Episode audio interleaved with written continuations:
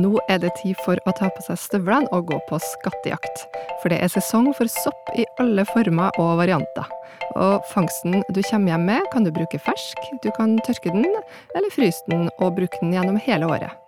I dag får du Cecilie og Britt Malenes insidertips til både soppturen og hva du skal gjøre med soppen etterpå. Og har du fått en skikkelig fangst med hjem og vil lage noe helt spesielt, så får du oppskriften på soppsoya.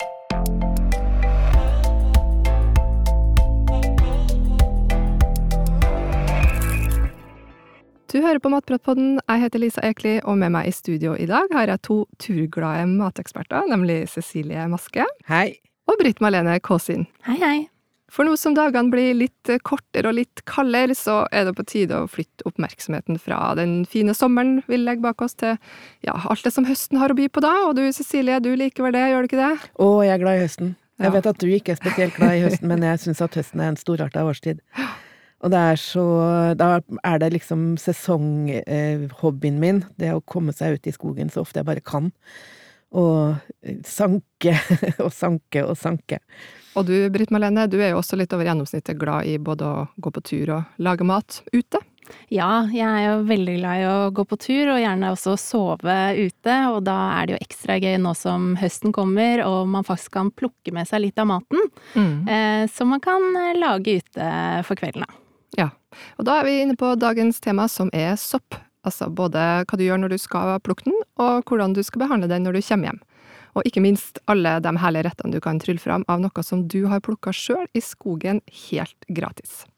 Sjøl er jeg veldig glad i å spise sopp eh, i de fleste varianter, men den soppen jeg bruker, den kommer som regel fra matbutikken. og det er kanskje flere enn meg som trenger litt info om hvordan vi skal gå fram på sopptur. Og er det nå som er riktig tidspunkt, Cecilie? Ja, altså, entusiastene plukker jo sopp hele året. Eh, det finnes matsopp som, eh, som eh, kommer midt på vinteren, tidlig på våren, etter at frosten har kommet, og ja, i det hele tatt, det finnes sopp hele året, for sopp er jo overalt. Men det er jo en grunn til at vi kaller september for september. September. September. For det er da liksom at det virkelig popper fram overalt. Ja. Og, og det er jo helt eh, fantastisk. Kjempespennende. Det er sopp overalt, men du kan si at det som, det som vi plukker, det er jo liksom blomsten, eller frukten, til soppen. For ellers så er hele soppen under bakken, så vi okay. ser den ikke. Så akkurat når den, de soppe, selve soppene som, som vi kaller det da, kommer opp, det er de som, det er det på en måte, da, da, da blomstrer soppen. ja. Og hvor skal man gå hen for å få tak i sopp? Ja, altså generelt så kan man vel si at ehm, du finner sopp, særlig der i skogen der hvor det er mye mose. Eh, gjerne gammelskog, altså sånn blandingsskog. Eh, men egentlig så finner du det jo da, i hvert fall over hele landet, da, eh, der det er skog. Eh, og spesielt så er det, trives den jo godt der det er litt fuktig. Eh, så hvis det har regna litt, eller at det er godt og fuktig rundt soppen, så har soppen det bra, og da vil den også komme fram. Det er klart. Men det er jo ikke overalt det er like aktuelt å plukke sopp, da. Eh, selv så har jeg funnet eh, sjampinjonger langs gjerdet til Oslo kretsfengsel og i Slottsparken, og du har vel også funnet noen sjampinjonger i Torshovdalen, eller hvor det var? Ja, like ved en sånn tissebusk i Ja. Torshovdalen. Så det var jo veldig gøy å Ja. se, da, for det vekker jo litt sånn interesse. Men det er kanskje ikke all, all sopp du har lyst til å plukke for å spise, da. Nei, og det er, sant, det er jo kjempemorsomt. Det var, bare, Wow! Sjampinjonger her! Men du plukker ikke dem langs gjerdet til Oslo kretsfengsel, altså. Det, det, det, er ikke så, det er ikke så delikat, akkurat. Så man må ut i skogen. Ja. Eh, Men, men sko, det trenger ikke å være den store skogen, det kan være på en måte rett ut i, rett ut i marka. Ja. Og i en park, for så vidt, så lenge det ikke er liksom tissebusken. Ja, Så, så kan man finne spiselige sopper der også. bra. Absolutt. Eh, Og så må vi jo snakke om eh, utstyr, for vi nordmenn er jo ofte glad i å skaffe oss eh, skikkelig utstyr når vi skal ut i naturen. Eh, Hva tenker du at jeg skal ha med meg hvis jeg skal på sopptur Ja. sammen med deg nå, Cecilie? Altså, det er jo lurt å ha litt utstyr, men man trenger ikke å gå bananas og kjøpe sånn spesialutstyr med en gang. Men å ha en, en kurv, eller en, en tøybag eller pose eller noe, et nett eller noe sånt. En liten skarp, eh, god kniv, gjerne med en børste, eller ha en børste ved siden av for å koste av eh, litt sånn eh, skogskrydder. En ekstra pose, eller kanskje noen ekstra små eh, bokser til å sortere ut de soppene som man er litt utrygge på, sånn at de blir isolert fra de andre, andre soppene. Men boks, de, de skal, kan de være av plast, eller? Ja, de kan være av plast, men det er ikke noe poeng. Man skal helst ikke plukke i plastpose. Nei. Selv om jeg har synda mot det, for jeg som hundeeier har alltid med meg noen sånne hundeposer. Så om det er krise, så bruker jeg de hundeposene, men jeg knyter dem ikke igjen. For soppen er levende, og pakket inn i plast, så får den ikke puste. Og, og altså, den blir, den blir, ødelagt av å ligge pakket i plast. Mm. Og det merker man jo ofte, at det kommer et sånn slimlag ja, det blir, også utenpå. blir sånn glatt og sleip og ekkel. Rett og slett at den begynner å råtne og bryte seg ned Ja, hvis den ligger der for lenge. Så Ja. det er jo et veldig godt tips å styre unna Ja. det, da. Akkurat. Så, og så selvfølgelig gode klær.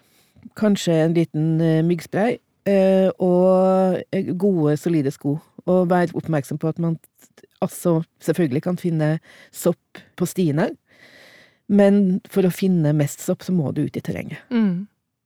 Og da må man ha litt solide sko. Ok, så utstyret er i orden. Eh, og det er noe som jeg lurer på, og jeg tror mange andre lurer på, er jo hvordan du vet hvilke sopper du skal plukke, og hvilke sopper du ikke må plukke.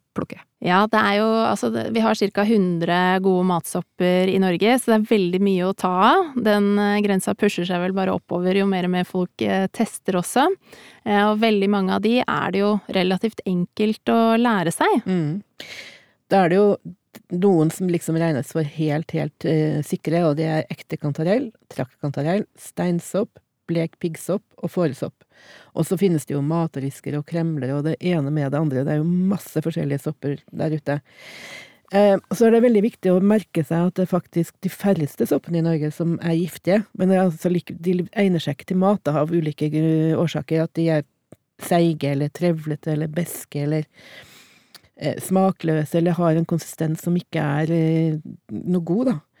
Eh, og så er det noen veldig, veldig få som er veldig, veldig giftige, og som man skal også kjenne på samme måte som man kjenner de gode Mm. matsoppene.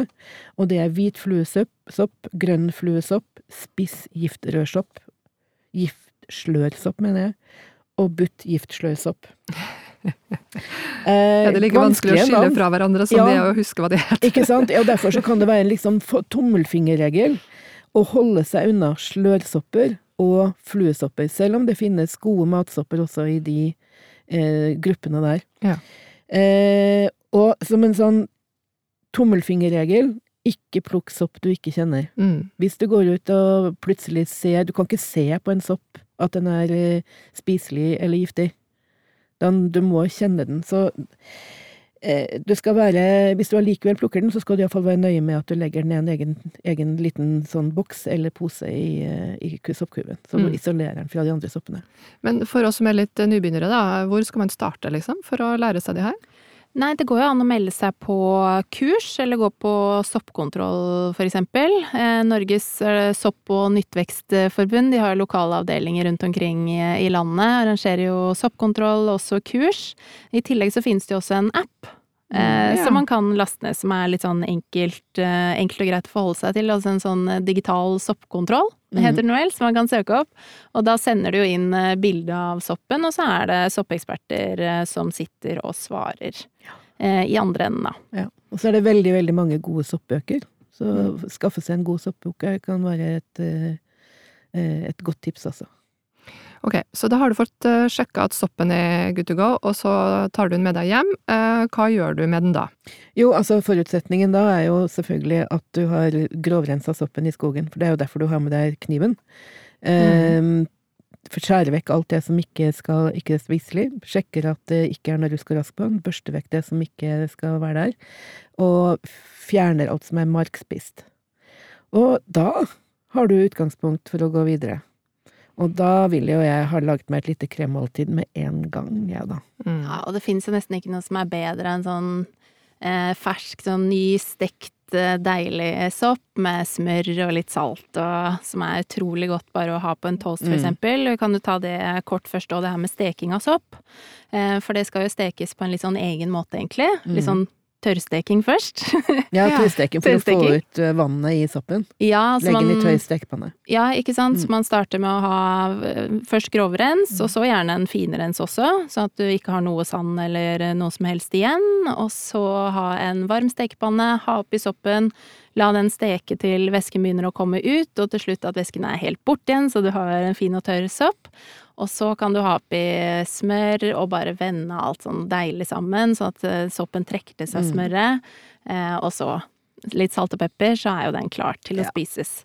Og det å ha den på en god eh, toast, gjerne et sånt surdeigsbrød, godt. deilig nystekt hvis det er kantarell eller annen god sopp, litt urter på toppen kanskje, utrolig deilig. Mm. Legg et par skiver med god ost på toppen, og la den få smelte nedi kanskje et posjert egg eller noe sånt også, så har du faktisk et helt fullt måltid, altså. Mm. Helt fantastisk godt. Pleier du å lage det her på tur, Britt Marlene? Ja, og steking av sopp er også kjempefint å, å gjøre på tur, og jeg pleier å ha begynt å ha med meg et sånt lite, lite nett, i tilfelle finner sopp, for det er jo litt sånn om du finner det eller ikke. Eh, og det med å ha med litt sånn eh, godt eh, til lunsj, for eksempel. Ha med en primus. Nå begynner vi å nærme oss bålsesongen igjen nå, så det går an å fyre opp et bål. å og kunne lage noe godt ut av den soppen når du er på tur, det Ja, da smaker den aller best. Ikke sant? Og når Ja. du først har laget denne stekte soppen, Ja. så kan du jo lage Gå videre med den. Ha oppi en klatt med, med rømme eller crème fraîche eller litt fløte, og la det koke inn. Så har du en stuing, eh, eller en, eh, en saus, som kan brukes til også på et, et, eh, stykke rista brød. Eller som pastasaus. Eller du kan eh, bruke en stavmikser eller en blender og lage en suppe. Ja. Og i det hele tatt, altså det er så utrolig mange muligheter ut fra den der lille porsjonen med stekt sopp, da. Mhm, som du kan variere, og nå Mm. går vi jo inn i liksom den deilige høsten med litt sånn varm mat. God sånn eh, mat som klemmer deg fra innsiden, da. Eh, og da er sånn soppstuing og sånn, sånn helt midt i blinken, og passer jo også perfekt. Nå kommer vi inn i lammesesongen, vi kommer inn mot reinsdyrsesongen, og det er liksom helt perfekt Ja, match det er til den type kjøtt. er Fantastisk å ha litt sopp å servere til eh, lammestek eller reinsdyr, altså. Og da skal vi over til en metode som gjør at vi kan bruke eh, soppen vi har plukka utover hele året, nemlig tørking. Hvordan eh, går vi fram for å tørke sopp? Altså det å tørke sopp er innmari lurt, fordi at du får jo en evig eh, oppbevaringstid på det omtrent. Det er, skikkelig tørr sopp kan oppbevares i årevis. Ja. Og det er jo enkelte år som ikke er soppår, og da er det jo kjempegreit å ha en pose med eksempel tørka steinsopp som du kan live i supper og sauser eller lage en risotto av. Hvordan Og, gjør er, du det? og steinsopp er en av de soppene som egner seg. Steinsopp, trakkantareller, eh, eh, fåresopp eh, er blant de som egner seg spesielt godt Ja. til å tørkes. Og hva gjør du? Deler dem, altså de må jo være litt sånn tørre i utgangspunktet, egentlig. For hvis det er skikkelig blaut sopp, så tar det fryktelig lang tid, og de kan bli ganske ødelagt under, under tørkeperioden. Eh, men dele dem i litt mindre biter. Trekke dem gjerne fra hverandre bare. bare. Fjerne selvfølgelig alt rusk og, og sånne ting. Legge dem ut på bakepapir på en sånn stekeplate. Eh, og sette dem inn i stekeovnen. Du kan ha flere brett i stekeovnen og sette på varmluft på ganske lav temperatur, 40-50 grader, med en stekespade eller et eller annet i, i eh, døra, sånn at det får en luftgjennomstrømming. Noen bruker det som heter en dehydrator. Det er altså en sånn tørkemaskin Mm. hvor du legger soppen ut på brett. Ja. Eh, og, eller på rister. Er den stor, da? Nei, den er ikke stor. Den er, hva skal jeg si, den er som en stekepanne omtrent, og så bygger du i høyden liksom oppover. Også en veldig fin ting å bruke, for du kan også tørke andre ting med den. Men det er altså en knallfin måte å, å konservere soppen på. Eh, spesielt man, hvis man dumper oppi en åker med trakkantareller, så kan man liksom eh, Ja, da blir det mye. Og det er jo det, det som er litt gøy å kunne ta vare på det utover Ja. Om det er utover høsten og vinteren og fram til våren, så har du jo litt den derre høstens herligheter med deg gjennom hele året. herligheter. Ja. Mm. Og de kan jo brukes i alt mulig. Om Ja. det er sauser og supper og alt mulig sånn. Og også i eh, Når du skal koke kraft, så gjør det med på å gi ekstra, ekstra smak til kraften. Ikke sant? Og risotto, som jeg har sagt tidligere, er fantastisk å lage risotto med tørka sopp. Og da kan du jo legge den tørka soppen i litt eh, vann Ja. eh, først, for å få tilbake litt av væsken når du skal bruke den. Eller hvis du skal ha det i en saus, altså noe med litt væske, så går det an å ha det rett oppi også. Mm. Hvordan oppbevarer du den her tørka soppen, da? Det er jo veldig fint å ha den bare i et stort glass, og så la den stå på, på kjøkkenbenken, for eksempel. Det er jo utrolig dekorativt. Og så glemmer du ikke at du har den heller. Nei, det kan være lurt. Eller i sånne ziplock-poser. Men det må være helt tett. altså Fuktighet er sånn tørka sopps verste fiende. Ja. Hvor lenge står den seg, da, i et uh, tett glass? En evighet. Når det er du ikke noe vann i den. Nei. Det er ikke noe vann i den. Ikke sant? Britt Marlene, den, den er tørka. Helt tørka, så det er ikke noe vannaktivitet, og da kan det ikke skje noe med den heller. Nei. Den er som papir. Eh, Flere tips til hva du kan bruke den tørka soppen til? Nei, altså det er jo utrolig deilig å ha i risotto, for eksempel, i en deilig pastasaus, eh, gjerne hvis du skal lage noe wok, eller noe som er litt fresht, og få inn den umami-smaken der. Eh, eller så vil jeg også tipse om det med å bruke det som topping på pizza. Mm. For det er så godt, enten om man lager det med fersk sopp nå i sesong, eller om man sparer litt og har det litt uh, utover. Og det med å ha en sånn hvit pizza med for eksempel litt skiver av reinsdyrbiff, eh, du har deilig sopp, litt pære, blåmuggost, lite dryss med honning, litt crunchy-nøtter. Nam, nam. Det Og en annen bitte liten ting som jeg kan si som er fint å lage med sånn der tørka sopp hvis du har veldig mye, det er å kjøre den til mel, sånn at den blir helt, helt fint fordelt. Og så enten bruke den som soppmel rett og slett som en sånn smaksforsterker i, i sopper og sauser uten at du får soppkonsistensen. Eller å blande med salt og ha som soppsalt, som kan strøs på salat Mm. og på smørbrød og på alt mulig. Ja. Kjempegodt. veldig fin smaksforsterker. Mm, veldig. Neste metode for å ta vare på soppen er å fryse den. Er det noe spesielt eh, du skal tenke på før du legger den i fryseren? Altså, det er jo veldig viktig da nok en gang å rense soppen, og så må du få ut mye av vannet i den. Noen eh, fryser faktisk også sopp eh, eh, Altså råfryseren. Da blir den lagt i sånne ziplock-poser, veldig, veldig tette poser. Er Gjerne sånn de er fine, små, eh, lekre eh, eksemplarene av, eh, av steinsopp eller av kantareller. De kan råfryses og puttes direkte i stekepannen. Men fordi det er så mye vann i soppen, så foretrekker jeg å eh, dampe soppen først for å få ut så mye væske som mulig, og så eh, klemme ut væsken og, eh, og fryse den i passe store poser, sånn 200 grams poser eller noe sånt. Jeg syns det er en veldig grei måte å gjøre det på. Eller så kan man selvfølgelig også fryse med væsken. Men hvis du da skal steke den etterpå, så må du allikevel klemme ut eh, så mye av vannet som mulig. Mm. Du kan også steke soppen ferdig og fryse den, men da vil holdbarheten bli ganske kort. Ok. Fryser du den i porsjonspakka da, Ja. eller? Ja. Ja. Hvor lenge kan den stå seg i fryseren, da? Den kan stå altså, lenge, ganske lenge der også. Eh, Emballasje er litt viktig, sånn at det ikke går hull på den, for den vil ta til seg smak. Av, i, fra, hvis den blir liggende i mange år, selvfølgelig, men eh, den kan iallfall ligge ett til to år uten at den blir ødelagt. Ja, så må vi huske på at det kommer jo en sesong eh, neste år også, så det er jo et godt tips. Både det med å fryse i porsjonsposer, sånn at du bare kan ta ut litt og litt Mm. underveis. Eh, men også ikke liksom gjøre noe sport ut av at det, det skal ligge der lengst mulig. Selv om ting eh, kan oppbevares lenge, så betyr jo ikke at man liksom skal glemme det og Det er Kanskje ikke ingenting Det som får det. bedre kvalitet av å ligge i fryseren. Nei. Da har vi nesten kommet til veis ende, men før vi gir oss helt med soppinspo, så har vi et tips til dem som har plukka ordentlig masse sopp, og som har lyst til å lage noe litt spesielt. Da har du et eh, tips, Cecilie. Ja, du tenker nok på soppsoya. Soppsoya, det høres jo veldig eksklusivt ut, da. Ja, altså det er jo litt for de spesielt interesserte, kan man si, og de som finner veldig, veldig mye sopp. Eh, men det er veldig gøy å lage sin egen soppsoya. Og det gjør du gjerne med altså, eh, store sopper som steinsopp, som er litt for store og grove til å bli laget mat av. Eh, og det som er en som heter skjellpiggsopp, eller masse kantareller hvis man finner så mye at man ikke vet hva man skal gjøre med det. Mm. fyll en bøtte. En sånn ren, selvfølgelig renvasket eh, tilitersbøtte med sopp. Eh, dryss på litt salt i, mellom lagene. Legg på press, og la den stå i ja, fem, fire, fem, seks dager. Sånn at eh, saltet trekker ut den, det vannet som er i soppen. Da får du en, sal, en sånn litt salt sopplake som du Mhm. bruker videre til å lage en soppsoya. Hva gjør du da?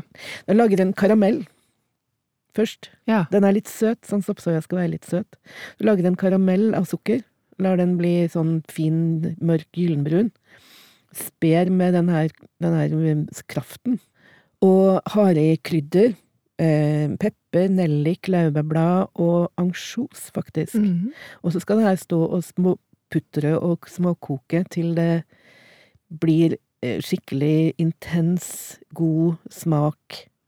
Så skal man smake til med mer sukker, mer salt, hvis man syns at det er nødvendig. Ja. Men da får du en sånn smaksforsterkende, en sånn her umami Litt salt umamibombe, som er helt utrolig å bruke som eh, smaksforsterker i ja, wokretter, pastasauser, kjøttretter, på omelett, alt Ja. mulig. Helt suverent. Og den oppbevarer du i Små flaske? flasker. Ja. Mm. Og den oppbevares I i, romtemperatur okay. i også en liten evighet. ja. Mm.